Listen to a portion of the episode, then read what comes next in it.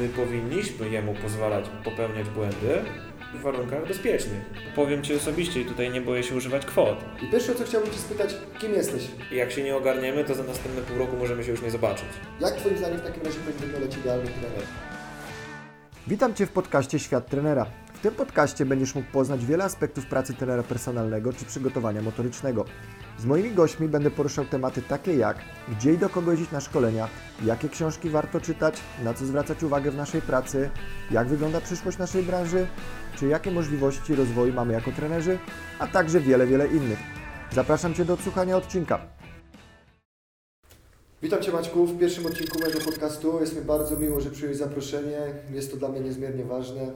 Witam Cię, witam Cię jeszcze raz. E, To mi miło, że mogę poniekąd być e, tym, który zaczyna jako Twój gość, z racji na to, że znamy się już troszkę czasu. No i Zgadza się. życzę powodzenia w dalszym rozwoju tego projektu, bo ma to naprawdę sens. Mam nadzieję, że to się uda. Dziękuję za te życzenia Maciek. Tak jak ja powiedziałem, bardzo jest miło, że udało się nam umówić na tą rozmowę, że przyjąłeś to zaproszenie, że nie ma problemu, żebyś to Ty został tym pierwszym gościem. I pierwsze, o co chciałbym Cię spytać, kim jesteś? Tak. Przede wszystkim jestem ojcem, jestem facetem, jestem nauczycielem, jestem zwykłym gościem z czteropiętrowego bloku z Gdańska, z Przymorza, Mhm. który miał pewnego rodzaju plany i determinację do tego, żeby nie zbawiać z kursu, który sobie obrał. I jak na razie idzie mi całkiem nieźle w tym, żeby mianować się ekskluzywnym WF-istą dla dorosłych, jak to już mówiłem Mhm. kilka razy. I przy okazji wpływać poniekąd na to, jak wygląda kształt naszej branży, czyli treningu, treningu personalnego, przygotowania motorycznego w Polsce. Mhm. I to jest właśnie pierwsza rzecz, do której ja bym chciał uderzyć, czyli ten ekskluzywny WF-ista dla dorosłych. Skąd takie określenie? E, No jestem nauczycielem z wykształcenia, to jest pierwsza rzecz. Jestem po AWF-ie gdańskim, po wychowaniu fizycznym, gdzie byłem też asystentem przez chwilę. Pracowałem no, ró- równocześnie w szkole i na uczelni wyższej. E, No niestety zrezygnowałem z pracy w szkole z racji na kwestie finansowe z tym związane i poszedłem w sektor prywatny, czyli Mhm. treningi e, już z dorosłymi osobami, czyli WF dla dorosłych, stąd też takie, a nie inne określenie. Powiem szczerze, mnie się to określenie bardzo podoba, bo tak naprawdę my jako trenerzy personalni czy trenerzy przygotowania motorycznego tak naprawdę pełnimy funkcję takich edukatorów dla tych ludzi, gdzie często my ich trochę za rączkę prowadzimy, niekiedy nawet przymuszamy, tak jak to wyglądało w szkole, więc tutaj ciężko się z tym nie zgodzić. Wspominałeś Maciek, że przed chwilą, że zacząłeś pracę w sektorze prywatnym, ponieważ na uczelni nie było pieniędzy. Tak. I to jest jeden ze wspólnych mianowników, który gdzieś tam mamy. Zaczynałeś, jak kiedyś już rozmawialiśmy prywatnie. W tej samej przy- firmie. Dokładnie tak. W nieistniejącej już sieci Atomi. Tak. Powiedz mi, jak to się zaczęło, co ci, co ci to miejsce dało, bo ja na przykład je wspominam bardzo pozytywnie, ale najpierw chciałbym porozmawiać o Twoich odczuciach. Okej, no ym, wyglądało to następująco, gdzie kończyłem studia, y, byłem asystentem, stażystą, y, chciałem iść dalej, czyli prowadzić ścieżkę y, swojego rozwoju naukowego, skończyć doktorat, ale mój szef z katedry i zarazem mój promotor, pozdrawiam, mm, nie wiem, doktora, profesora, jakim tytułem teraz go mianować, Wiesława Ziółkowskiego, mega człowiek, naprawdę, kopalnia wiedzy i zarazem niesamowicie pozytywny charakter. Stwierdził wprost, że jest to mm, pod dużym znakiem zapytania, gdyż nawet jeśli skończę, obronię się, y, nie wiadomo, czy będzie etat. Więc on sam, ym, po znajomościach tam na uczelni, bo wiadomo, to są pewnego rodzaju kuluary jakieś, które mają mocno za, zacieśniony ten krąg, y, dotarł do osoby, która ma znajomości właśnie w sektorze prywatnym, do innego tam wykładowcy Marcina Dornowskiego, on z kolei polecił mnie do Cezarego Mrozowicza, który był wtedy fitness managerem w jeszcze Pure Fitness, zanim Mhm. Atomy Fitness, Zgadza się, też w, w, chwilę. Cliffie, w Cliffie w Gdyni. Em, Poszedłem na rozmowę kwalifikacyjną w sierpniu, czyli w totalnie martwym okresie. Pracę można powiedzieć dostałem od tak, z racji na to, że byłem absolwentem studiów kierunkowych i gadka po prostu się kleiła, plus też dostałem rekomendację taką, a nie inną, bo mój promotor sam powiedział po, po zajęciach, czy to ze studentami, czy innych rzeczach, że no, mam charyzmę i umiejętność przekazywania wiedzy. E, Nie da się ukryć, potwierdzam. Dziękuję. E, Po rozmowie ten pierwszy miesiąc był taki sobie, właściwie trzy tygodnie, ponieważ nie miałem żadnego klienta, robiłem tylko i wyłącznie konsultacje i te treningi wprowadzeniowe, te Pure Life'y. Mhm. E, To trwało, tak jak mówiłem, 3 tygodnie, ale z jednej osoby i 19 treningów po miesiącu miałem już treningów ponad 100. Więc generalnie ludzie, którzy tam przychodzili, mm, nie mieli totalnie pojęcia, co robić ze sobą. Były to jakby rozkłady z kolorowych gazet typu Men's Health albo Kulturystyka i Fitness, typu robię klatę biceps i potem siadam na 30 minut na rowerek, więc nic spektakularnego. No i przede wszystkim te osoby w większości przypadków nie miały zacięcia do tego, żeby ten trening był konsekwentny i sukcesywny, jakkolwiek.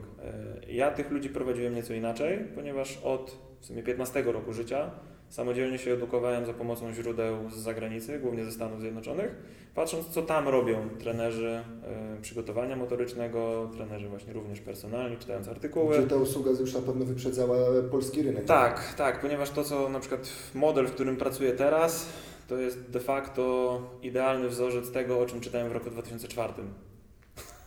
Mamy 17 lat później. Tak, więc y, jest to, jest to troszeczkę do tyłu, ale mniejsza z tym. Tam pracując y, poznałem mnóstwo bardzo fajnych i zarazem muszę przyznać wpływowych osób, ponieważ nie była to mordownia, taka siłownia y, osiedlowa, tylko był to y, piękny, neonowy, ekskluzywny klub, ekskluzywny klub fitness, tak, że tak powiem, marmury, blicht Gdzie ma, multum osób tak naprawdę przychodziło się pokazać, bo sam przerabiałem to tutaj w Kielcach, u siebie. Po prostu splendor pełną gębą, tym bardziej, że Galeria handlowa, w której się mieściło, była taka mocno butikowa, z markami naprawdę z wysokimi cenami. Poznałem bardzo dużo osób, które a pokazały mi, na czym polega praca w usługach, bo na przykład pierwszą, mm, pierwszym takim poważnym moim klientem był fryzjer Paweł.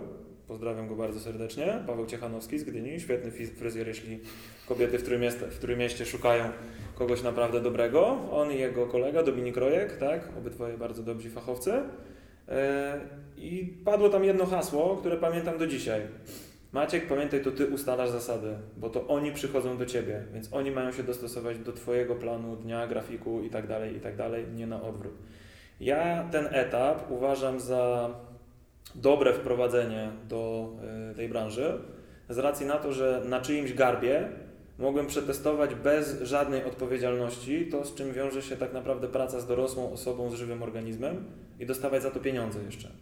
Nie było tam może jako takiej ścieżki rozwoju, gdyż to było przede wszystkim mm, model biznesowy był nastawiony na sprzedaż, a nie na rozwój trenera.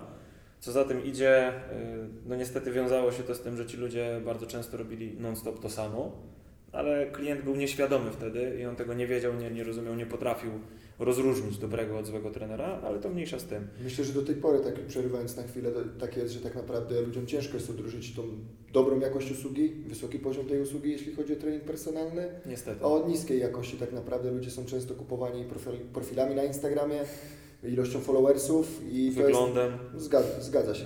Wracajmy do tego.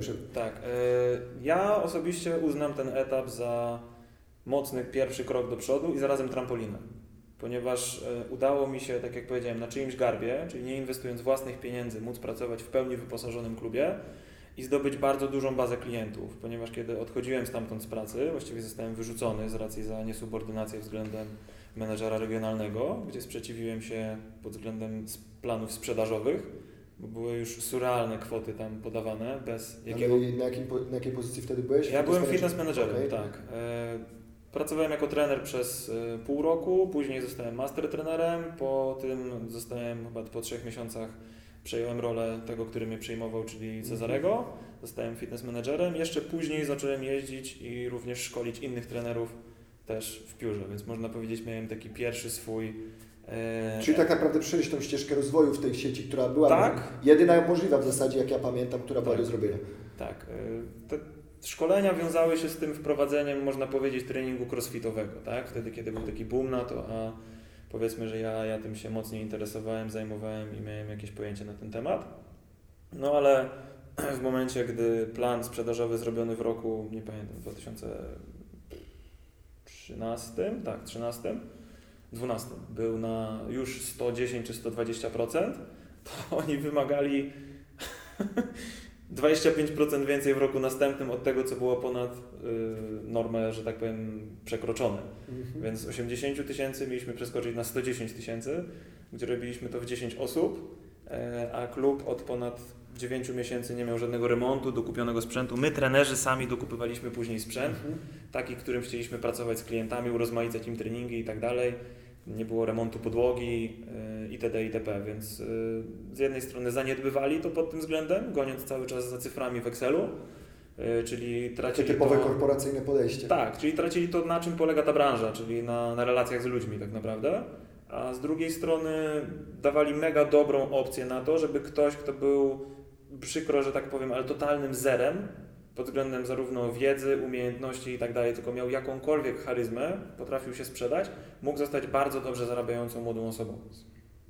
Ciężko mi się z tym nie zgodzić, bo moje odczucia po pracy w tej sieci są bardzo podobne.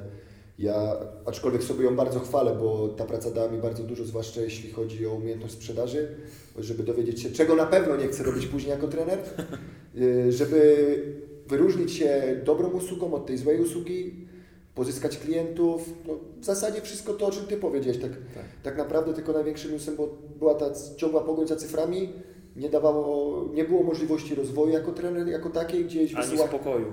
dokładnie tak, wysyłania na warsztaty, yy, czy jakiejś innej wewnętrznej ścieżki rozwoju, żeby tego trenera szkolić, tak naprawdę mówię, cały czas pogoń za cyframi, cyframi, ja wiem jak wyglądało to u nas w Kielcach, gdzie też pozdrawiam cały zespół, z którym pracowałem, bo naprawdę to byli świetni ludzie, po dziś dzień sobie świetnie radzą uważam, ale była właśnie ta pogoń za cyframi, że pomimo tego, że ten target był w klubie robiony regularnie, Mhm. cały czas była ta gonitwa, ciśnięcie liczby. Nie było patrzenia na to, czy ci ludzie są zadowoleni, tylko kupcie kolejny pakiet, kiedy wrzucicie kolejny pakiet Tak. i co wejdzie, kiedy nie wejdzie. Tak Ciągła, ciągła presja pod nie było w ogóle patrzenia na człowieka, a tak naprawdę w moim odczuciu ten człowiek powinien być najważniejszy, jeśli chodzi o ten trening personalny. To, co też powiedziałeś, umiejętności miękkie. Mhm. I płynnie w tym momencie ja bym chciał przejść do trochę takiego obszerniejszego tematu.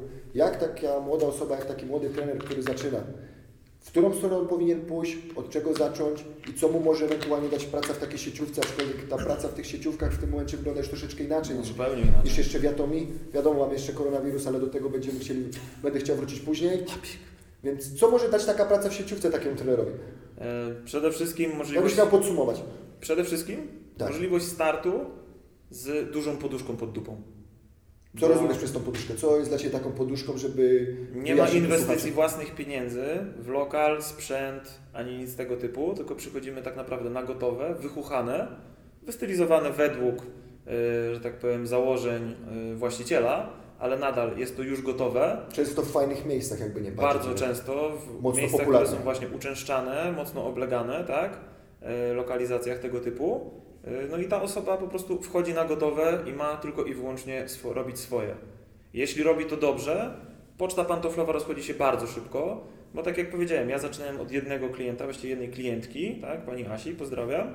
I w następnym miesiącu miałem już klientów, nie pamiętam, 9 czy 12, a potem to jeszcze rosło, rosło i rosło do momentu, gdzie nie byłem w stanie wyrobić ze swoim grafikiem, bo nie chciałem pracować 12-14 godzin dziennie, robiąc godzinę za godziną człowieka, nie mając czasu, żeby spokojnie zjeść, załatwić potrzeby fizjologiczne, zrobić swój trening, edukować się dalej, żyć po prostu. To jest jeszcze w ogóle temat na inne opowiadanie, jeśli chodzi o pracę trenera personalnego, Tak. tej jej tak naprawdę cienie, gdzie ludzie tego nie widzą. Że my kupę pracy wykonujemy tak naprawdę po pracy i Tak. że to nie jest tylko ta godzina na tej sali, którą my z nim spędzamy. Bo my masę pracy wykonujemy w domu programując, monitorując, Zdecydowanie. edukując i tak dalej. To już mówię, to już jest bardzo szeroki temat, więc podsumowując, coś byś jeszcze dodał a propos takiej pracy w sieciówce, czy myślisz, myślę, że Teraz, teraz wygląda to trochę inaczej. Nie wiem, czy nadal jest system, że sieci zatrudniają kogokolwiek, czy jest opcja tylko ryczałtowa i wejścia już, jako... powiem szczerze, sam nie wiem, więc Więc ciężko mi się tutaj wypowiedzieć, ale jeśli jest taka opcja dla kogoś, będąc zatrudnionym tam, ma się zawsze jakieś pensum zapewnione, jakieś tam powiedzmy godziny dyżurów, etc., etc., bo to na bank jest i do tego ma się możliwość pozyskiwania klientów za frajer, ponieważ jest baza, która przychodzi po prostu na miejsce. Problem polega na tym, że mm, ci młodzi ludzie teraz, wydaje mi się, że patrzą na to na zasadzie mi się należy, ja jestem trenerem, on powinien przyjść do mnie. Ja pamiętam to na tej zasadzie, że ja podchodziłem do ludzi, zagadywałem z nimi, albo jak widziałem, że ktoś robił coś źle, nie powiem, że robiłem to po chamsku, ale podchodziłem i delikatnie sugerowałem, iż forma wykonania tego ćwiczenia jest totalnie nieadekwatna do zamiarów i może się skończyć kontuzją. To powiem szczerze, znając Cię prywatnie, myślę, że kosztowało Ci to bardzo wiele ogłady, bo raczej bardziej wolisz to powiedzieć w żołnierskich słowach. Tak. No ale ciężko się nie zgodzić, Maciek, bo moje odczucia są bardzo podobne w tym temacie, gdzie już powoli kończyłem pracę w sieciówce też w momencie, gdzie miałem do czynienia z młodymi trenerami, oni byli mocno rozczynni, tacy nastawieni na to, że ci ludzie sami przyjdą do nich. Tak naprawdę nowa osoba, która przychodzi na taką dużą siłownię, w moim odczuciu wiąże się dla niej z ogromnym stresem. Ona tak naprawdę nie wie, co ją tam czeka, nie wie, czy ona sobie poradzi, czy potrafi. Nie mówimy o osobach, które gdzieś już ćwiczyły w mniejszych siłowniach osiedlowych, przeszły po prostu do fajniejszego miejsca. Mhm. A wśród wielu tych osób są nasi potencjalni podopieczni. Wiesz co, najlepiej moim zdaniem zobrazował to w swoich słowach Mike Boyle, który powiedział, że jemu zajęło tylko 12 lat pracy po 8-10 godzin dziennie na sali, plus dodatkową pracę i edukację samodzielną poza godzinami pracy na sali, aby stać się sukcesem jednej nocy, kiedy jego jakiś tam podopieczny, nie pamiętam z jakiej ligi, ale sportu któregoś tam typowo amerykańskiego, czy to był futbol, czy baseball, nagle został gwiazdą sezonu. No, więc właśnie, więc to jest taka rada, że uważam, że my tak naprawdę powinniśmy szukać rozwiązań dla tych ludzi, pytać jak możemy im pomóc i słuchać tych ludzi i to jest właśnie kolejna rzecz, do której bym chciał przejść Ostatnio mówiłeś, czy w prywatnej rozmowie, czy w swoich nagraniach na swoim kanale na Instagramie, że tak naprawdę, jeśli chodzi już o wiedzę taką stricte treningową, to mówiąc sobie skromnie, niewiele już możesz się dowiedzieć. No. I idziesz w kierunku umiejętności miękkich. Tak. Co to może dać takiemu młodemu trenerowi rozwój takich umiejętności miękkich, bo nawet dzisiaj rozmawiając prywatnie z oboje stwierdziliśmy, że tak naprawdę pracodawcy nawet poszukują osób, które mają umiejętności miękkie mhm. i są w tym dobrzy i reszty się mogą nauczyć, czyli tych tak naprawdę kompetencji twardych. Tak. Co takie umiejętności miękkie mogą dać takiemu trenerowi? Jest to taki garnitur, nazwijmy, zdolności, które pozwolą mu się zaadaptować do danej sytuacji, czyli psychologia umiejętności działania z człowiekiem. Zarówno w rozmowie mediacja, jak i perswazja, tak? czyli coś, co przyda się do sprzedaży, jak i narzucenia swojej woli pod kątem tego, co ma być robione na treningu tak? umiejętność zarazem wytłumaczenia, jak i też wymagania, czyli wszystko będzie sprowadzać się do komunikacji oraz do umiejętności słuchania, bo oczywiście trener musi być empatyczny w pewnym sensie, ale my nie jesteśmy od tego, żeby kogoś głaskać i klepać po plecach. Mogę, Macie, mogę Maciek przerwać w tym momencie właśnie, bo chciałbym do te, o to zapytać. Co dla Ciebie znaczy empatia? to jakaś zupa po francusku? nie, żarty żartami, ale... Yy jak dla mnie empatyczny trener to jest osoba, która za pomocą swoich zdolności i wiedzy jest w stanie odpowiednio zmodyfikować zadania, które ma dany podopieczny, patrząc na jego dyspozycję dnia. Okay. Plan planem, oczywiście to się zgadza, ale sam doskonale wiesz, co się dzieje, jak jest kartka papieru, a co jak jest. Kartka przyjmie wszystko. Właśnie, jak się zdarza życie. I bardzo często jest tak, że człowiek, który przychodzi do nas, nie oszukujmy się, to raczej są bardziej majętne osoby. To są osoby, które Zgadza. są w pewnym sensie świadome i chcą dbać o siebie tak? E, prowadzą często stresujące życie. Niekiedy jest tak, że rzeczywiście wlatują na salę CF w rąkach, a niekiedy jest tak, że ledwo co włóczą nogami. A naszym zadaniem jest A, dać od siebie maksimum, żeby tej energii mu troszkę przekazać, co jest bardzo trudne de facto już niekiedy po x godzinach pracy, a z drugiej strony dopasować wysiłek do tego, żeby ta osoba wyszła czując się lepiej z tej sali niż jak do niej weszła. Zgadzam się. Ja ostatnio słyszałem coś takiego na temat empatii, że bardzo wiele osób empatię utożsamia tak naprawdę z klepaniem po plecach. Czyli z tym przytul, pomóż, powiedz dobre słowo. Yy, a według tej osoby, już nie pamiętam kto powiedział akurat te słowa, empatia dla niego to jest po prostu umiejętność powiedzenia odpowiednich słów w odpowiednim wczucia miejscu. Się wczucia się w sytuację i, powie, powiedzenia tak naprawdę co myśli, w jakiej on sytuacji się właśnie znalazł a nie klepania po plecach, bo tak naprawdę nie zmieni tego położenia. Tak. I ja myślę, że też trochę taka jest nasza e, rola, żeby tym ludziom, tym naszym podopiecznym y, pokazać, że wcale jeżeli nie robi tego dobrze, to nie robi tego dobrze i dać mu bodziec do tego, żeby on to zrobił lepiej. No to jest jedno. Ja też śmiejąc się a propos y, ekskluzywnego WF-isty dla dorosłych, to bardzo często mówię, że nasz zawód to jest również psychoterapeuta bez dyplomu. No, bardzo, bardzo trafne określenie również, bo naprawdę ci ludzie Spędzałem z nami niekiedy od jednej do trzech godzin, może czasem więcej. Często za, w tygodniu, za, dokładnie. Zawiązują się jakieś przyjaźnie i sam zauważyłem, że im się łatwo po prostu wygadywać do nas tak. wie, o wielu rzeczach. Jesteśmy takim powiernikiem, że niekiedy my naprawdę ciężki bagaż różnych doświadczeń tych ludzi niesiemy. Właśnie. I ta psychoterapia niekiedy nawet by nam się przydała, tak naprawdę, bo my tak wiele po prostu ładunku emocjonalnego przyjmujemy od tych ludzi. Tak to są właśnie te umiejętności miękkie, które myślę, że są bezcenne w e, dzisiejszych czasach, w, w dobie, gdzie my wszędzie pędzimy. No, ja przyznam się bez bicia żadnego, że zaczynając pracę w tym byłem zupełnie inny. Bo ja narzucałem swoją wolę, oczywiście, tak jak robię to teraz, tylko teraz robię to za pomocą perswazji, a nie siły. Tak? Więc wcześniej, wychodząc z pozycji autorytarnej, to ja jestem trenerem. Masz się słuchać. Nie tyle, że masz się słuchać, tylko ja wiem lepiej od ciebie, co w tym momencie musimy zrobić. Poniekąd stawia to tą osobę jakby poniżej mnie. Mhm. A teraz działamy na zasadzie partnerskiej, tak? Tylko ja mówię ci, co w tym wypadku będzie dużo lepsze dla ciebie. Ty sam zdecyduj na końcu, czy chcesz I ta osoba to iść. zupełnie inaczej kupuje. Dokładnie, no. Też bym tak to ujął tak naprawdę, bo sam staram się tak robić. Mogę powiedzieć, że na początku swojej, nazwijmy to kariery, y, też tak robiłem, że ja się stawiam ponad, no jak to, ja wiem lepiej. Ty nie, nie będziesz mi mówił, co mamy robić. Ja od około, myślę, 3 do 5 lat to się zmieniło w taką stronę, jak Ty powiedziałeś, że zupełnie inaczej, że staram się znaleźć gdzieś problem tego człowieka, pokazać mu rozwiązanie, pokazać drogę, jaką możemy pójść i niech on to kupi po prostu na tej zasadzie, tak jak powiedziałeś, bo Zrozumie i doceni. dokładnie, bo tak naprawdę w tym momencie, nawet jak on wyjdzie od nas, to łatwo będzie nam dać certyfikat, tak, on trenował ze mną, mogę go puścić w świat. Dokładnie. A też buduje to relację, o której powiedziałeś na samym początku. I tak naprawdę jeszcze na bodajże chyba pierwszym warsztacie, który robiłeś u nas, mówiłeś, że tak naprawdę ta praca opiera się o relacje. Tylko i wyłącznie, bo ta osoba musi do nas wracać. To nie jest fryzjer, tak? Oczywiście z całym szacunkiem do fryzjerów. Ale tylko- potrzebuję go zazwyczaj raz w miesiącu, czasami dwa razy w Dokładnie. miesiącu. I, a nie cztery razy w tygodniu, jak niektórzy, tak? Albo pięć. Ja mam, mam kilkoro klientów, którzy przychodzą do mnie cztery razy w tygodniu. Głównie z racji na to, że jest to ich jedyny sposób na odreagowanie tego, co robią zawodowo, co mają bardzo często jako bagaż emocjonalny, przenoszą, że nie chcą z tym wrócić do domu. I druga rzecz, jest to ich czas dla siebie, który ja osobiście nazywam higieną ciała.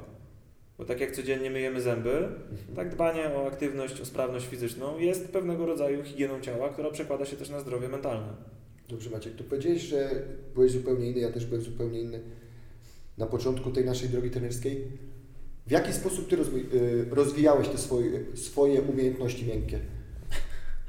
Yy, mówiąc bardzo krótko, byłem głupi. Bo uważam, że to jest trudne tak naprawdę, To jest bardzo to trudne. To jest bardzo trudne, zwłaszcza wychodząc ze środowiska, z jakiego powiedzmy wychodziłem, tak?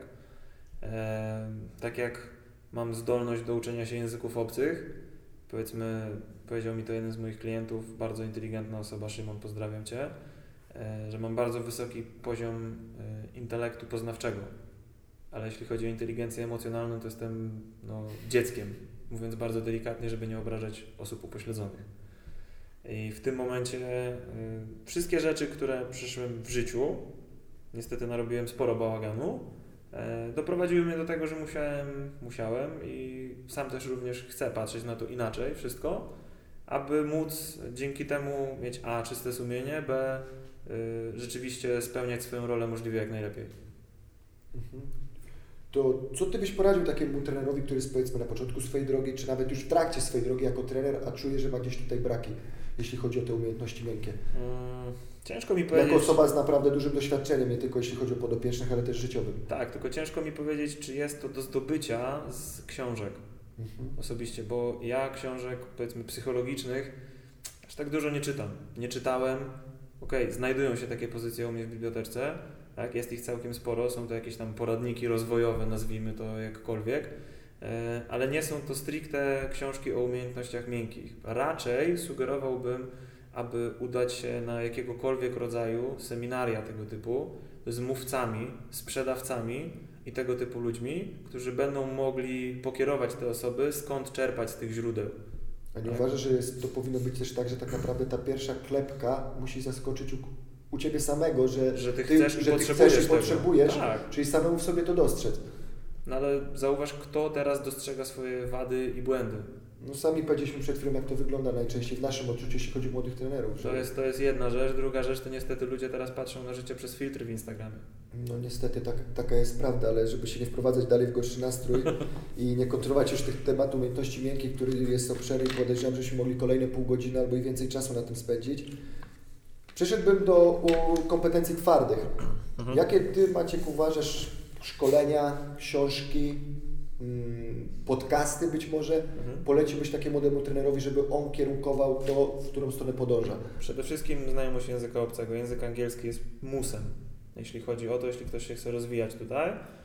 Polska goni, ale nie jesteśmy jeszcze aż tak mocno, jeśli chodzi o te kwestie, tak, rozwinięci, ponieważ są u nas dobrzy specjaliści, ale tak jak rozmawialiśmy wczoraj, bardzo często są to osoby, które uczepią się jednej metody, sposobu, przyrządu bądź y, jakiegoś tam gadżetu technicznego i na tym budują całą jakąś swoją filozofię. Czyli od razu przerwy możemy sobie tu podpowiedzieć, że otwartość umysłu tak naprawdę też Tak. będzie, będzie nas pchać do przodu. Jak najbardziej. Otwarta głowa i mm, umiejętność do tego, aby dostrzegać plusy i minusy, więc tutaj ta mantra Bruce'a Lee jak najbardziej, czy tam Jedna maksyma, tak, owszem, wpada po prostu idealnie, aby człowiek był jak woda, tak? I zarazem tak jak Tao Jet Kundo wyglądało, czyli użyć to, co użyteczne, odrzucić to, co bezużyteczne. Pytasz o umiejętności twarde i wiedzę. No to atlas anatomiczny i książka do fizjologii to jest mus i podstawa. Dalej będzie biomechanika. Dlaczego? Dlaczego, żeby wyjaśnić to być może naszym słuchaczom, jeżeli to by było niejasne. Okej. Osoba, która pracuje z żywym organizmem, podejmuje się bardzo, bardzo skomplikowanych aspektów. I dopóty, dopóki nie zrozumie się, jak jest zbudowane ludzkie ciało, jak ono funkcjonuje, na jakich zasadach i później jak składa się całość, powiedzmy, procesu, który, na który my narażamy ludzi de facto, bo my nie znamy wyniku. My nie jesteśmy pewni wyniku tego, co wyjdzie z tego, co my robimy z naszym człowiekiem. To jest tak jak powiedział Jan Paweł II, że sportowcy są bardzo blisko tak naprawdę Boga, bo oni wierzą w to, że trening przyniesie jakiś efekt. To nie jest to, że ja był jakiś super religijny, tak? ale ten cytat po prostu zapadł mi bardzo ja mocno bardzo mocno w głowę i pod tym względem my wierzymy, że to przyniesie jakiś efekt, ale to jest wszystko metoda prób i błędów, ponieważ każdy człowiek jest inny. Tak? Wiemy o tym, że genetyka dyktuje na to, jaka będzie odpowiedź na dany rodzaj treningu, ale bez znajomości podstaw podstaw, czyli właśnie anatomia, fizjologia, biomechanika, troszkę biochemii tak naprawdę, nie trzeba być w tym super specem, nie ma mowy, żeby trener, który to programuje, rozumiał, co programuje i po co to programuje. A to jest klucz. Bo wtedy, kiedy ja wiem, po co mi jest nóż do filetowania, po co mi jest nóż do krojenia chleba, po co mi jest tasak i po co mi jest obierek w kuchni, rzeczywiście jestem w stanie z tego zrobić użytek. Okej, mam jeden nóż szefa kuchni i mogę z nim robić bardzo dużo i to jest powiedzmy sztanga w naszym arsenale. Ale nie załatwia to wszystkich problemów. Zgadza się. Tak jak nawet dzisiaj nawiązywałeś, że ketle pomogą nam przy sztandze, sztanga przy ketlach już niekoniecznie. Takie, Dokładnie. takie będzie do tego przełożenie. Dokładnie tak. Generalnie też stosowanie, ta analogia do kuchni mnie też się bardzo podoba, bo ja na przykład lubię bardzo stosować analogię do samochodu i tego, że tam to jest system naczyń połączonych i jak, jak Jak w, jednym, w jednym miejscu coś nie działa, by nie będzie za chwilę działać w innym, aż dojdzie do jakiejś, nazwijmy to katastrofy. Tak.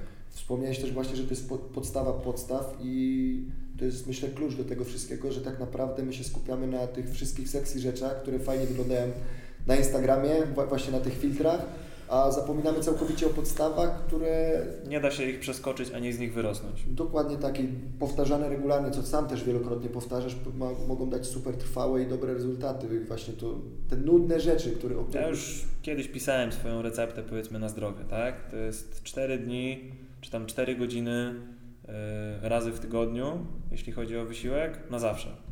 I to jest forma na dobrą formę. I nieważne, czy ktoś ma geny, czy nie ma genów, do tego nie trzeba talentu. Do tego trzeba być tylko i wyłącznie wytrwałym. Zwłaszcza, że nie robimy tego pod kątem zawodowym najczęściej. Dokładnie, ale to, żeby człowiek wyglądał dobrze bez koszulki, nazwijmy to, czuł się dobrze ruszając się codziennie, tak, i miał siłę podbiec, nie wiem, jeśli coś tam się wydarzy, albo pójść w góry na nie wiadomo, jakiś tam dłuższy spacer, czy przenieść kanapę, albo przesunąć pralkę, to naprawdę nie trzeba wiele, tylko trzeba robić to z głową i konsekwentnie. Zgadzam się całkowicie. No.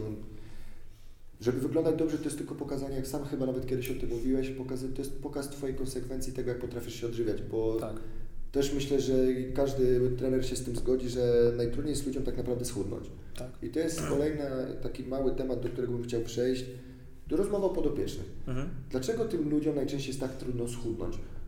Bo myślę, Bo- że nie jeden trener się z tym mierzy tak naprawdę, że chce pomóc. Jak dotrzeć do tych ludzi, żeby pomóc im to osiągnąć? Bo myślę, że to jest najpopularniejszy cel podopiecznych, którzy do nas trafiają. Mhm, tak, to, to się z Tobą muszę zgodzić, bo to jest 95% powiedziałbym. 3% to będą osoby po kontuzjach, a 2% to są osoby, które właśnie chcą po prostu coś zrobić, żeby było lepiej. Powiedz mi, czy miałeś psa? Masz psa? Nie. Okej. Y, Słyszałeś o, na pewno o warunkowaniu instrumentalnym, czyli o psie Pawłowa. Tak. Tak, to jest tak zwana psychologia behawioralna, czy tam behawiorystyczna. okej? No to problem... Coś się objęło uszy. Tak, problem polega na tym, że to, co my robimy, jest wisienką na torcie. My dajemy iskrę, tak naprawdę, ale żeby ten silnik zaskoczył, potrzeba jeszcze paliwa.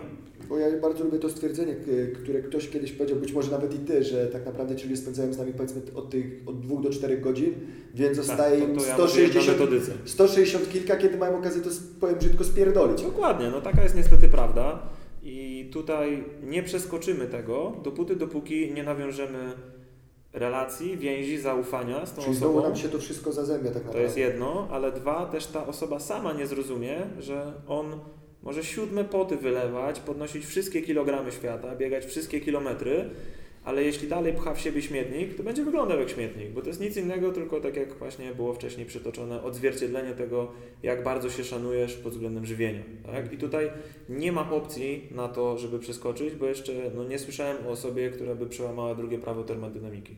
No więc, no więc właśnie, myślę, że to jest też bardzo dobra rada dla tych trenerów i po raz kolejny nam to pokazuje w trakcie tej rozmowy, że znowu wracamy do podstaw, czyli umiejętności miękkie, zazębianie się tego, używanie totalnych podstaw. Bo jeżeli my będziemy, tak jak powiedziałeś, jak śmietnik, będziemy wyglądać jak śmietnik. Tak. Czyli wracamy znowu do podstawy, czyli do tego, żeby się nauczyć odżywiać, Mhm.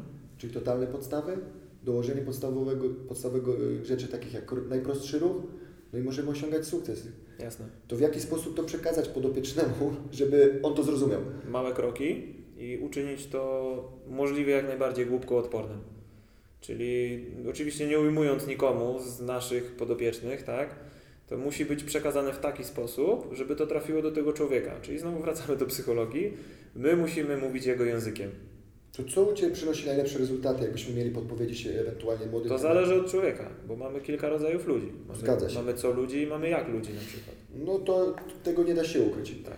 Więc co stosujesz do co ludzi, a co stosujesz, co stosujesz do jak ludzi? Osoba co, czyli osoba o powiedzmy osobowości typu A, potrzebuje jasnych wytycznych i pewnego rodzaju autorytetu nad sobą. Czyli jej musisz powiedzieć, co ona ma zrobić i ona będzie to robić. Osoba jak musi zrozumieć proces, czyli to jest pewnego rodzaju filozof, myśliciel, jakiś tam wol- wolny duch, artysta, tak?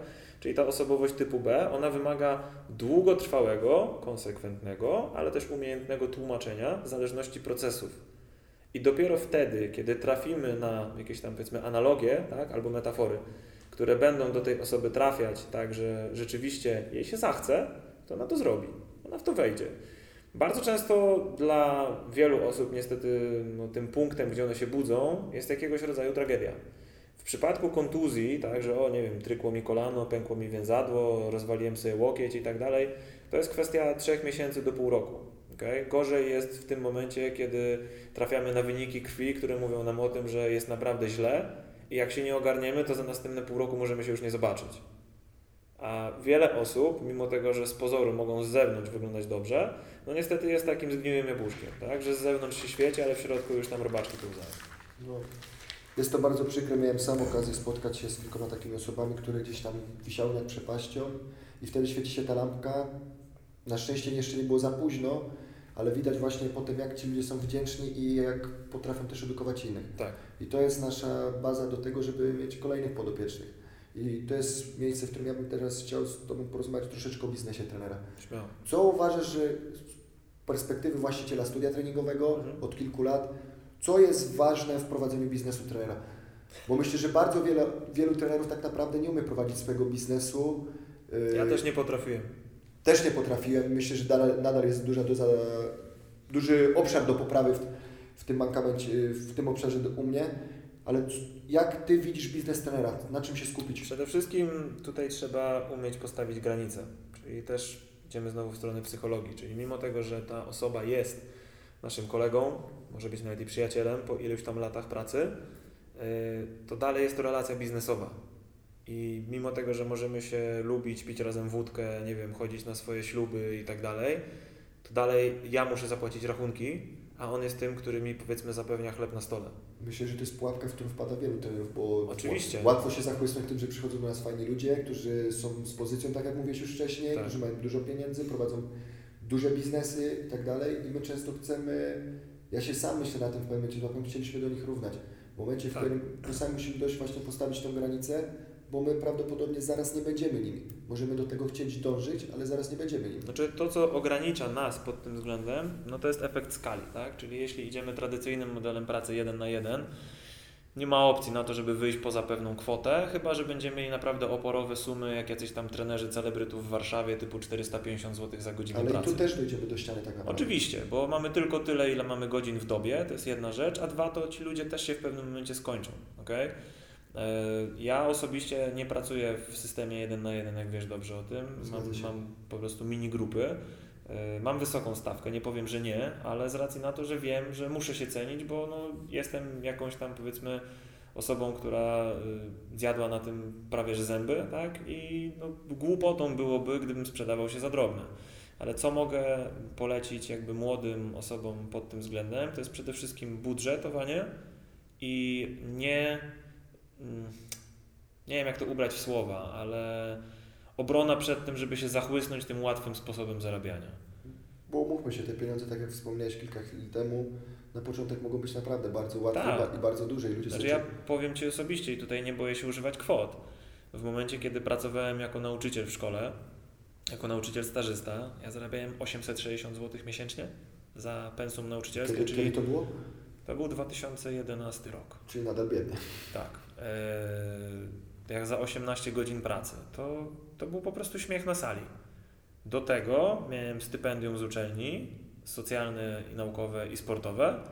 I do tego miałem jeszcze później jakby pensum swoje za staż na uczelni, tak? I z tego udawało mi się tam no, wyciukać 2,5 tysiąca złotych, coś w ten deseń. Poszedłem do pracy, do Cliffu, właśnie do pióra. E, z pierwszego miesiąca przepracowanego dostałem 3800. To w tym momencie ja stwierdziłem, Matko Boska. Złapałem Pana Boga za Co ja robię i po co ja tam robię?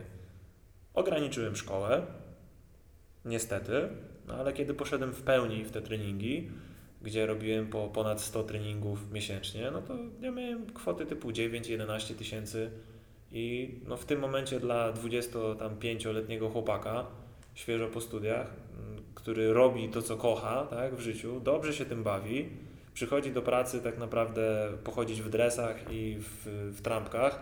Pospotykać tak? fajnych ludzi. Pospotykać fajnych ludzi i, że tak powiem, pomęczyć ich troszkę, żyć nie umierać. Tak? I tym się jest bardzo łatwo zachłysnąć. Niestety te osoby często zaczynają żyć ponad stan.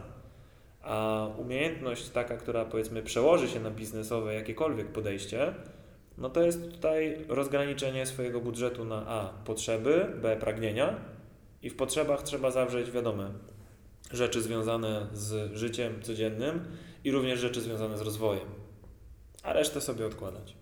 Okej, okay, jakbyś miał radzić, raczej byś się kierunkował tych ludzi w stronę tego, żeby oni szli do swojego studia treningowego, czy żeby szukali pracy w sieciówce, czy w jakimś innym studiu treningowym? Ciężko mi to jakby skategoryzować, bo sam pracuję dla siebie od wielu lat ale to też jest kolejny etap w Twojej karierze, tak. tak po drodze, tak jak wspomnieliśmy na początku było Yatomi, później był CrossFit, te, tak. gdzie prowadziłeś boksa tak. gdzie, a, i teraz dopiero jest studio treningowe. No powiem szczerze, Yatomi było tym dobrym startem, taką mocną trampoliną. Później miałem kubeł zimnej wody na łeb w postaci tego, że zostałem po prostu stamtąd wylany. Poszedłem na stare śmieci z tymi moimi klientami, którzy za mną poszli. Nagle nie musiałem nikomu nic płacić dalej, tak? a zarabiałem więcej niż miałem odpalane z treningów tam, więc w tym momencie był to dla mnie plus, który pozwolił zbudować jakiś kapitał. Ale mówmy się, to nie jest codzienna sytuacja, bo zazwyczaj... No nie, no oczywiście, że nie, tak? bo bardzo często niestety te osoby są też przywiązane w jakiś sposób do, do miejsca. miejsca. Tak. E, tam nabudowałem pewien kapitał, ale w międzyczasie pojawiła się okazja, aby postawić nowe miejsce, czyli właśnie CF3M, CrossFit Trójmiasto. Również serdecznie pozdrawiam. No i to trwało 5 lat praktycznie tam, tylko tam początek był bardzo ciężki pod względem takim biznesowym, ponieważ CrossFit jako CrossFit był mocnym boomem, e, ale nieposiadanie multisporta w tym momencie, czy jakichkolwiek powiedzmy systemów e, partnerskich, takich, które pozwalały, żeby rzeczywiście osiągnąć efekt skali i zapełnić wszystkie godziny, powodowało to, że tam wszystko wychodziło na zero. Zarabiałem znowu z tego, co robiłem z ludźmi, ale miałem dodatkowo na głowie zarządzanie prowadzenie. klubem, prowadzenie klubu, tak, i jeszcze no, stres związany z tym, że czy starczy pieniędzy na wszystko. Czyli w moim odczuciu prowadzenie własnego studia treningowego to jest taka trochę wisienka na torcie.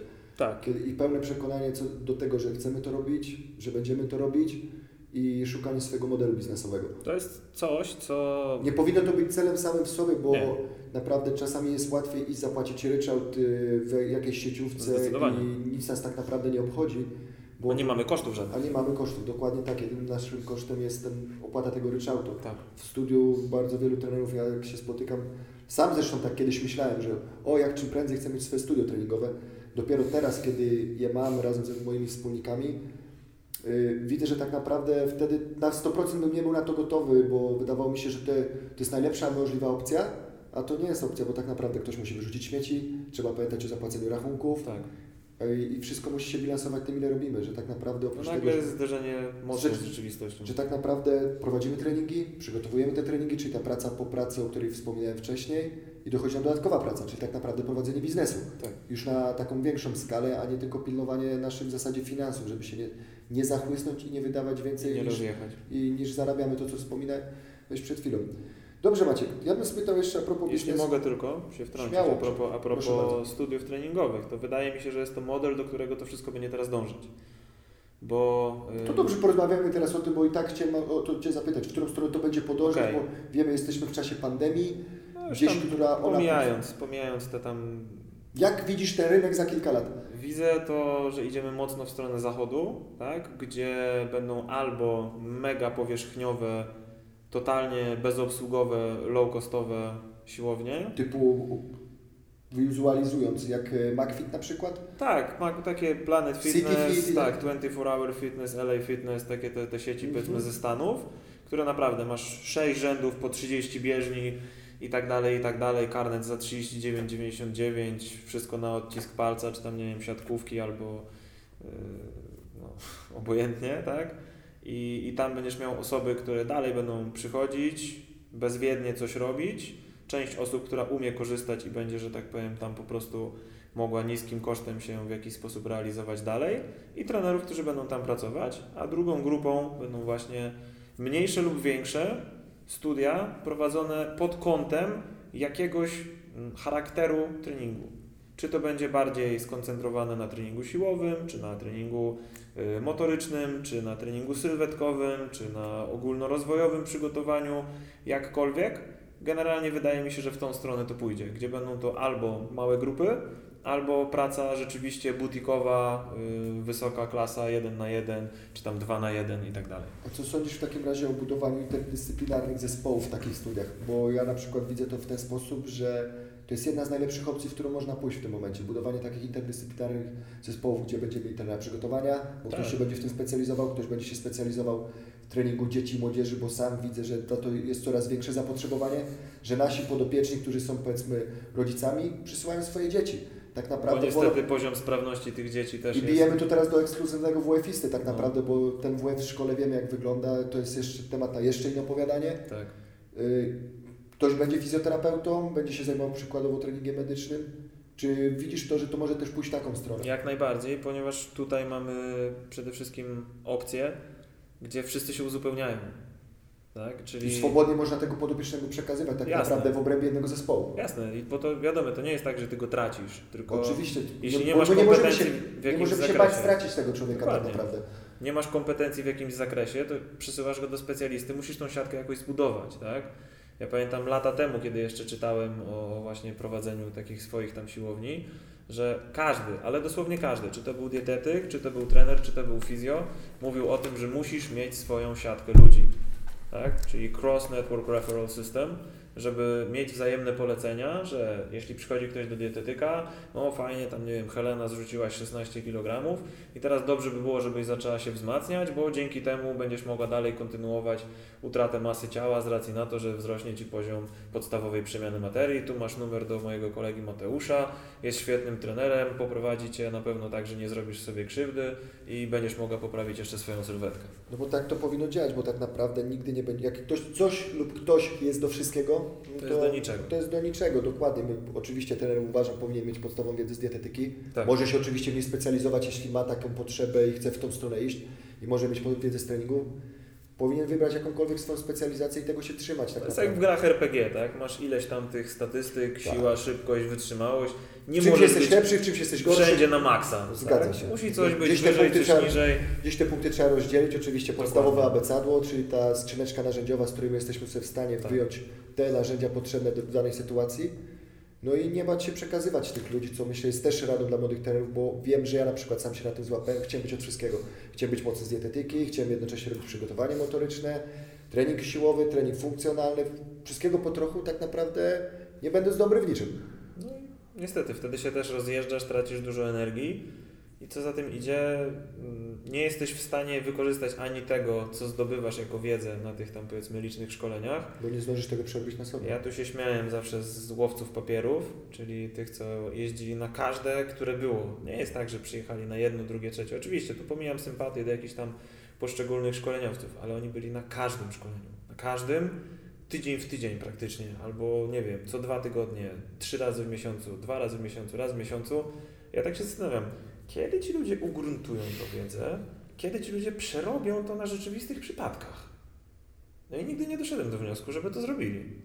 Śmiejąc się, nie śmiejąc. Sam prowadziłem bardzo, no, takiego kolosa właśnie w postaci trenera przygotowania motorycznego kilka lat temu jeszcze z Kubą Mauriczem. No i Bodajże to trwało pół roku, bo sam się interesowałem tym szkoleniem. było pięć zjazdów de facto, pięć weekendów, więc mm, to było rozbite najczęściej na dwa i pół miesiąca, jakoś takoś.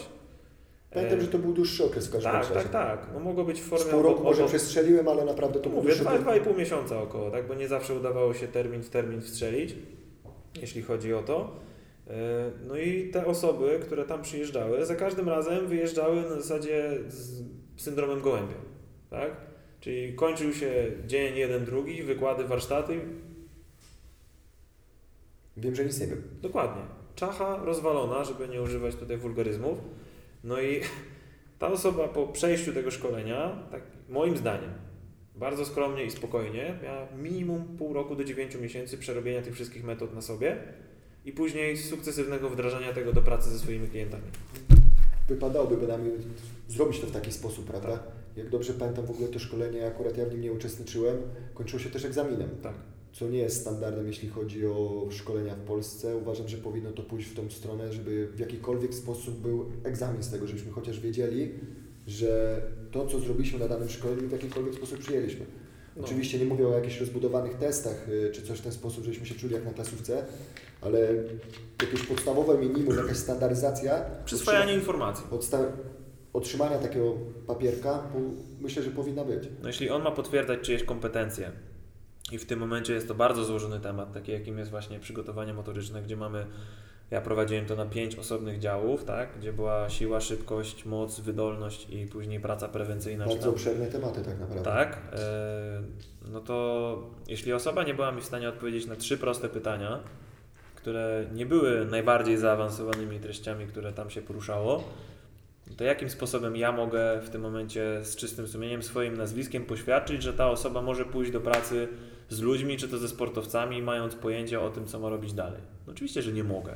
Tak, nie, tak jak powiedziałeś, no to nie chodzi o testy, bo mm, są też y, kursy, które kończą się testami, testy są przekazywane, albo są to testy wielokrotnego wyboru, czy tam jednokrotnego wyboru, to to nie w tym rzecz. To chodzi o to, żeby ten człowiek nawet na swoje słowa, na swój rozum był w stanie przekazać tą treść, tak jak ją zrozumiał, i rzeczywiście, że jest w stanie tą wiedzę zaaplikować już w formie praktycznej dalej.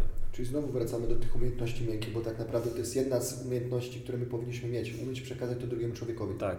Tak jak możemy mieć wielu szkoleniowców, Ty jesteś doskonałym nauczycielem, ja to potwierdzam, bo uczestniczyłem już w wielu Twoich kursach, masz ten dar i to jest naj, myślę najtrudniejsza rzecz tak naprawdę, wiedzieć jak to przekazać temu podopiecznemu.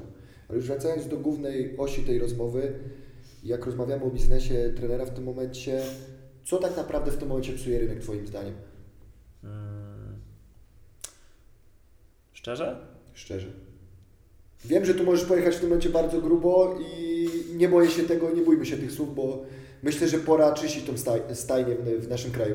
Okej, okay. to mnie osobiście, powiem bardzo delikatnie. Najdelikatniej jak potrafisz. Mocno irytuje to, że y, jest taki rozstrzał, jeśli chodzi o kompetencje ludzi, względem ich, nazwijmy to, popularności, i nijak się to niestety nie przekłada na jakość usługi.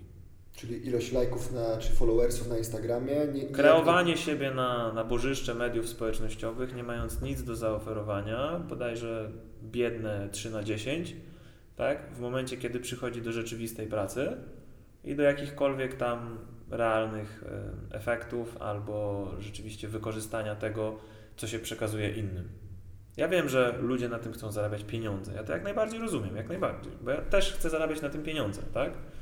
Ja mam rachunki do płacenia, mam rodzinę do utrzymania i tak dalej. Ale tak starasz dalej. się to robić najlepiej jak potrafisz i być w tym jak najlepszym, prawda? To jest jedno, ale przede wszystkim jest coś takiego, co się nazywa etyka zawodowa, tak? Ja myślę, że to jest w ogóle bardzo duży, szeroki problem obecnie, nie tylko w naszej branży. Ja nie jestem w żadnym wypadku człowiekiem, nie wiem, kimś tam cnotliwym, do nieba na pewno nie pójdę? Okay? Ale patrząc na to, jak niestety niektórzy ludzie robią innych naj, najzwyczajniej w świecie w bambuko, w naszej pracy i robią im krzywdę za ich pieniądze, no kurwa, no tego, tego to ja nie zdzierżę. Przepraszam, ale tego to ja nie zdzierżę i to, że ten zawód jest uwolniony, nie trzeba żadnych kwalifikacji, aby uzyskać no, uzyskać. Nawet nie trzeba niczego nic robić, tak żeby mianować siebie trenerem. szkolenia z, Dokładnie. trenera personalnego, żeby być trenerem. Dokładnie. To, to jest coś, co niestety, ale psuje ten rynek. To, co się teraz wydarzyło, czyli cały lockdowny, pandemia i tak dalej, moim zdaniem trochę oddzieliło ziarno od plew. Bo są osoby, które właśnie były, brzydko mówiąc, takimi pasożytami, które żerowały na tym, że był popyt. ok? No to bo to jest też, cały czas rozwijający się rynek, jak to śledzę. Była też i podaż z ich strony, oczywiście, ale w momencie, kiedy zostało tam wiele rzeczy, jeśli chodzi o trybiki tej maszyny, zatarte albo zepsute, to te osoby, które tam były właśnie z racji na to, że to jest fajna, lekka, łatwa i przyjemna praca, i były albo liczydłem, albo człowiekiem, który jest cieniem. Jak to sam kiedyś powiedziałeś, nie, bodajże chyba w podcaście u Marka Fischera, nie, ja nie jestem kalkulatorem, jeśli Ci zależy, to sam liczne powtórzenia. Dokładnie i ja jestem po to, żeby człowieka poprawić, a nie po to, żeby stać na nim i liczyć do pięciu czy do dziesięciu. Wydaje mi się, że każdy, kto do nas przychodzi jest w stanie to ogarnąć. E, ale do czego zmierzam? No, nieraz widziałem i filmiki, i na żywo, kiedy jeszcze prowadziłem szkolenia jeżdżąc właśnie po różnego rodzaju sieciówkach, dlatego później wolałem robić to w jakichś boksach albo y, po mniejszych tam klubach, żeby nie mieć tego widoku przed sobą. Co robią inni ludzie, którzy biorą pieniądze za to, co nazywają w tym momencie treningiem? No sorry, mi się siekiera w kieszeni otwierała i gdyby nie było to karalne, no to naprawdę miałbym sporo krwi na rękach. Powiem Ci Maciek, że ja mam takie nazwijmy to zboczenie, gdzie jak mam okazję być gdzieś na wyjeździe, czy w Polsce, czy za granicą, jak jest tylko możliwość, staram się zrobić trening w jakiejś siłowni mhm.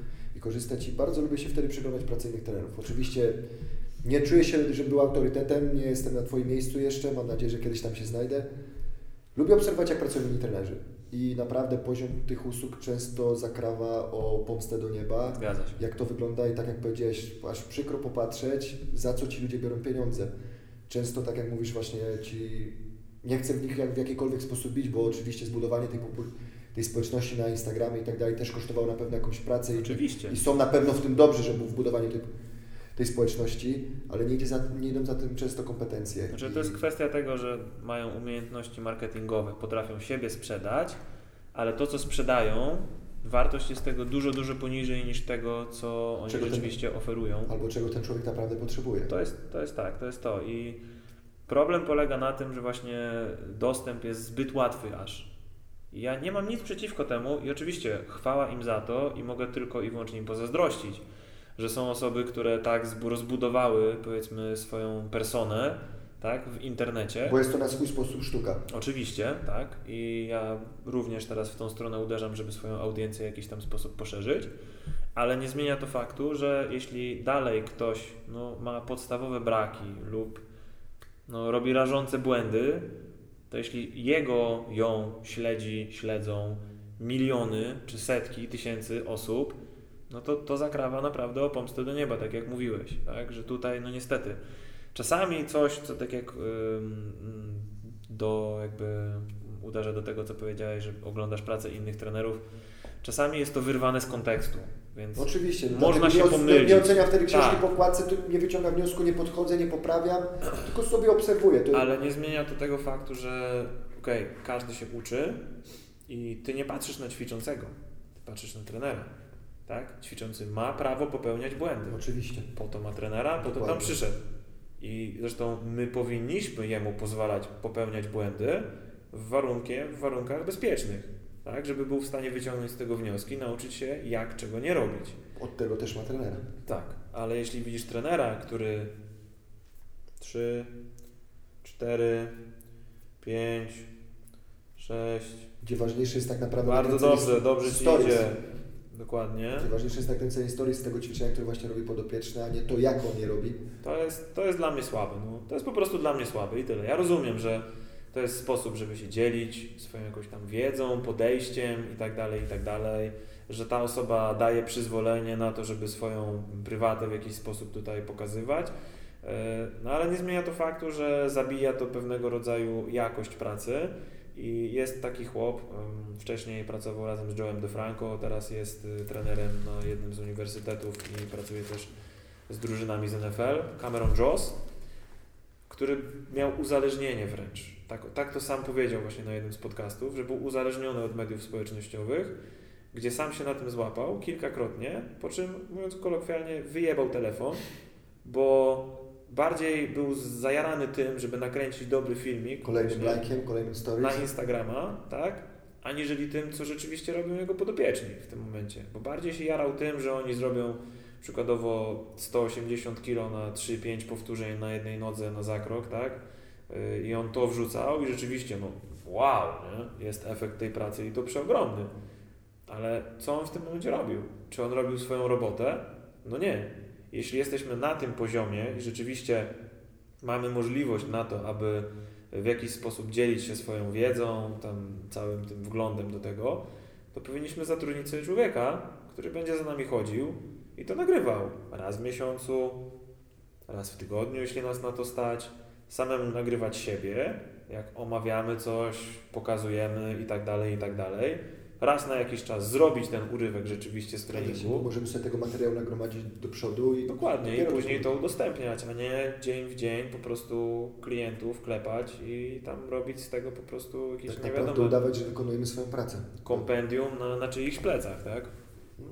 Ciężko się nie zgodzić, Maciej. To jaki Ty byś miał pomysł, żeby w takim razie to poprawić? Hmm.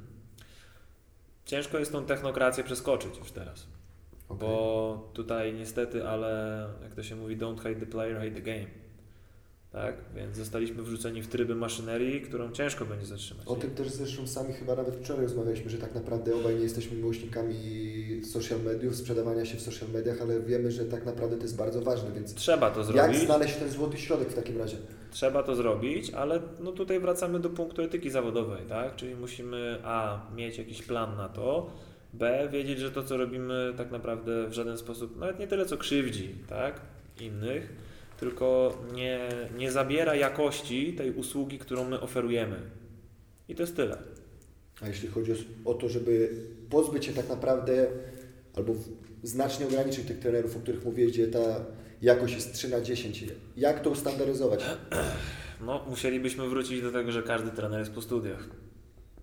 No, co z takim razie z trenerami, takim jak na przykład w moim przypadku, kiedy ja tych studiów nie skończyłem? Certyfikacja z jakichś innych organów, które potwierdzą Gdzie egzamin poś, po, poświadczy kompetencje. Dokładnie. Też bym szedł tą stronę, mógł prawdę mówiąc, bo oczywiście ja akurat skończyłem połowę studiów prawniczych, gdzieś zrezygnowałem z tego, bo sport jednak był bliższy zawsze ciału. No i uważam, że właśnie taka standaryzacja, czyli jakaś forma egzaminu, zdobywanie licencji. Tak. Czyli jest jedna z organizacji, czyli Polskie Stowarzyszenie Fit, branży fitness, czy coś takiego. Co myślisz na ten temat? Polska Federacja Fitness? Polska Federacja Fitness, tak. No tu niestety... Bo moim zdaniem oni troszeczkę jednak... Nie wypowiem się dobrze. Nie, nie wypowiem się dobrze, bo to jest taki konglomerat korporacji, które prowadzą sieci. Mhm. Czyli to są znowu grube ryby, duzi gracze, którzy chcą w swój sposób dalej manipulować przepływem monetarnym, jeśli chodzi o to, co się dzieje w tej branży. branży. E, I no z całym szacunkiem do nich, oczywiście, oni robią swoją robotę, tak? To się zgadza. Ale czy osoby od nich są takimi, które rzeczywiście są w stanie te kompetencje ustalać, sprawdzać i tak dalej, i tak dalej? Nie wiem. To komu oddałbyś pieczę w takim razie nad tym? Musiała, trzeba było zbudować zespół. To nie jest tak, że jedna osoba będzie mogła być tutaj wyrocznią, alfą i omegą. Nie ma takiej opcji. Też Tutaj- sobie tego nie wyobrażam tak naprawdę, bo kiedy coś jest w rękach jednej osoby, no to Tak, wiadomo, to zawsze to wizja tej osoby będzie sprowadzała tor, w jakim to idzie, tak? I narzucała pewnego rodzaju kierunek tego wszystkiego. Więc tutaj no, zbudować takie gremium, nazwijmy to, w naszym kraju byłoby możliwe, jak najbardziej. Te osoby musiałyby się dogadać, dojść do pewnego konsensusu. masz już jakieś nazwiska na myśli, czy wolisz się tym nie dzielić w tym Nie, momencie? ja chcę rzucać tutaj nazwiskami, to nie w tym rzecz, tak? Bo wsadzamy troszeczkę kij w mrowisko jednak. No ale nie bójmy się słów. Nie, się tak? też nie nie- bójmy się słów, jeśli ma to pomóc czemuś tak naprawdę, bo ym, zwróćmy uwagę na to, co wyjdzie po tym, jak skończy się całe to pajacowanie z lockdownem. Tak? Ludzie się tak naprawdę już się na to rzucają, bo nie mogą wytrzymać w domu, a będzie myślę tego szło to w podobnym kierunku. Oczywiście nadejdzie kryzys, ale ludzie nadal będą mieć pieniądze, prawda? No, statystyka, statystyka jest nieubłagana, tak? I wiadomo, śmierć jednostek jest tragedią, śmierć miliona jest statystyką, jak to powiedział Józef S. Z bujnym wąsem, tak? E, no i niestety, ale e, tych osób nie umarło setki milionów, tak? Oczywiście ja nie życzę nikomu źle i jeśli są osoby dotknięte przez tą chorobę, ja im bardzo mocno współczuję. Mam nadzieję, że doszły do siebie, dbają o zdrowie i ich bliskim, najbliższym się również nic nie stało. Tak? Ja nie neguję problemu, ponieważ ta biologiczna struktura istnieje, ok? ale y, to, co zostało zrobione, to w jaki sposób zostaliśmy ograni, y, wystarczą screeny z tego, jak się zmieniały definicje na stronie WHO. Przepraszam, ale ktoś tam zrobił pieniądze i to kolosalne pieniądze na tym. Ktoś chciał poprzestawiać pionki na szachownicy i to zrobił. I po prostu to zrobił, tak? Żyjemy w innym świecie niż żyliśmy w 2019 roku. Zgadza się, będziemy musieli się w nim odnaleźć. Dokładnie. Jak w Twoim zdaniem w takim razie pandemia wpłynie na zawód trenera personalnego? To, co było, wróci w pewnym sensie, tak? Zobaczymy kiedy i zobaczymy jak mocno. Kwestia, wiadomo, nasz kraj nie jest wyrocznią na to, co się dzieje na świecie, e, aczkolwiek może jesteśmy jakimś tam powiewem zrywów narodowo-wyzwoleńczych, bo mamy to w historii, no ale niestety jesteśmy też narodem upośledzonym, gdzie mój jeden klient wysnuł bardzo ciekawą teorię, że jesteśmy wszyscy DDA. Coś w tym jest. Tak, bo za dużo tej inteligencji wytłukli na, na wojnie jednej, drugiej i zostało po prostu to, co zostało, a ludźmi mało inteligentnymi się łatwiej steruje. E, Co wyjdzie z naszego zawodu? Zawód nie zginie, to na pewno. Świadomość człowieka odnośnie Też, sprawności też zapewne wzrośnie. i zdrowia jest coraz wyższa, tym bardziej, że otyłość, cukrzyca typu drugiego i wszelkiego rodzaju To już problemy są choroby cywilizacyjne tak naprawdę. sercowo-lipidowe są jednymi z najważniejszych czynników, przy których wzrastała śmiertelność przy jakichkolwiek infekcjach wirusowych. Wszelakie bóle kręgosłupa, bo nawet jak gdzieś ostatnio przeglądałem statystyki, bóle kręgosłupa, ilość zwolnień spowodowanych yy, bólami kręgosłupa jest zatrważająca, bo to było bodajże, jak dobrze pamiętam, w okolicach 70% wszystkich zwolnień A to lekarskich. potrzeba 6 tygodni na to, żeby człowieka z tego wyprowadzić. Tak, na, dokładnie tak, a w tym momencie to też jest nasza wartość, jak mu pokażemy, że on Tak. może to zrobić. Są 42 dni i człowiek jest jak nowonarodzony. On będzie nam za to wdzięczny i mamy podopiecznego na dłużej, jako taka rada już dla, dla, młodych, dla młodych trenerów. Dokładnie tak. Dobrze Macie, powoli kończąc naszą rozmowę, yy, ja bym chciał zapytać, jak Twoim zdaniem w takim razie powinien wyglądać idealny trener, żeby tak to scalić w, na sam koniec? Hmm.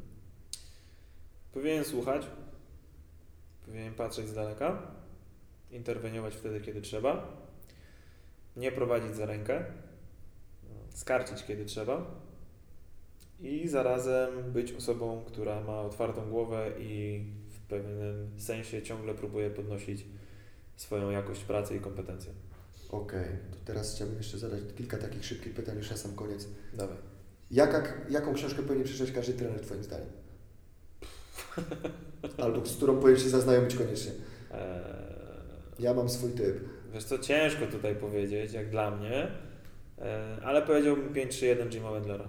Okej, ja myślałem, że powiesz o Atlasie Anatomii akurat w tym momencie. To, to, to nie, to jest aż zbyt podstawowe, więc pod tym względem no nie ujmę tego, tak? Nie, Okej. nie ujmę tego. Po prostu 5-3-1 pokazuje to, że rzeczy naprawdę mega proste, ale robione konsekwentnie przynoszą mega duże efekty. Okej, jakie szkolenie byś Ty polecił komuś, których powinien zrobić każdy trener? Każdy trener.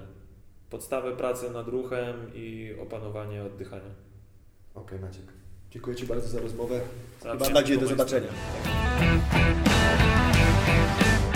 Dzięki za Twoją uwagę. Jeśli podobał Ci się odcinek, zostaw lajka, suba oraz udostępnij go w swoich social mediach, by pomóc rozwijać mi ten podcast. Do usłyszenia w kolejnych odcinkach. Cześć!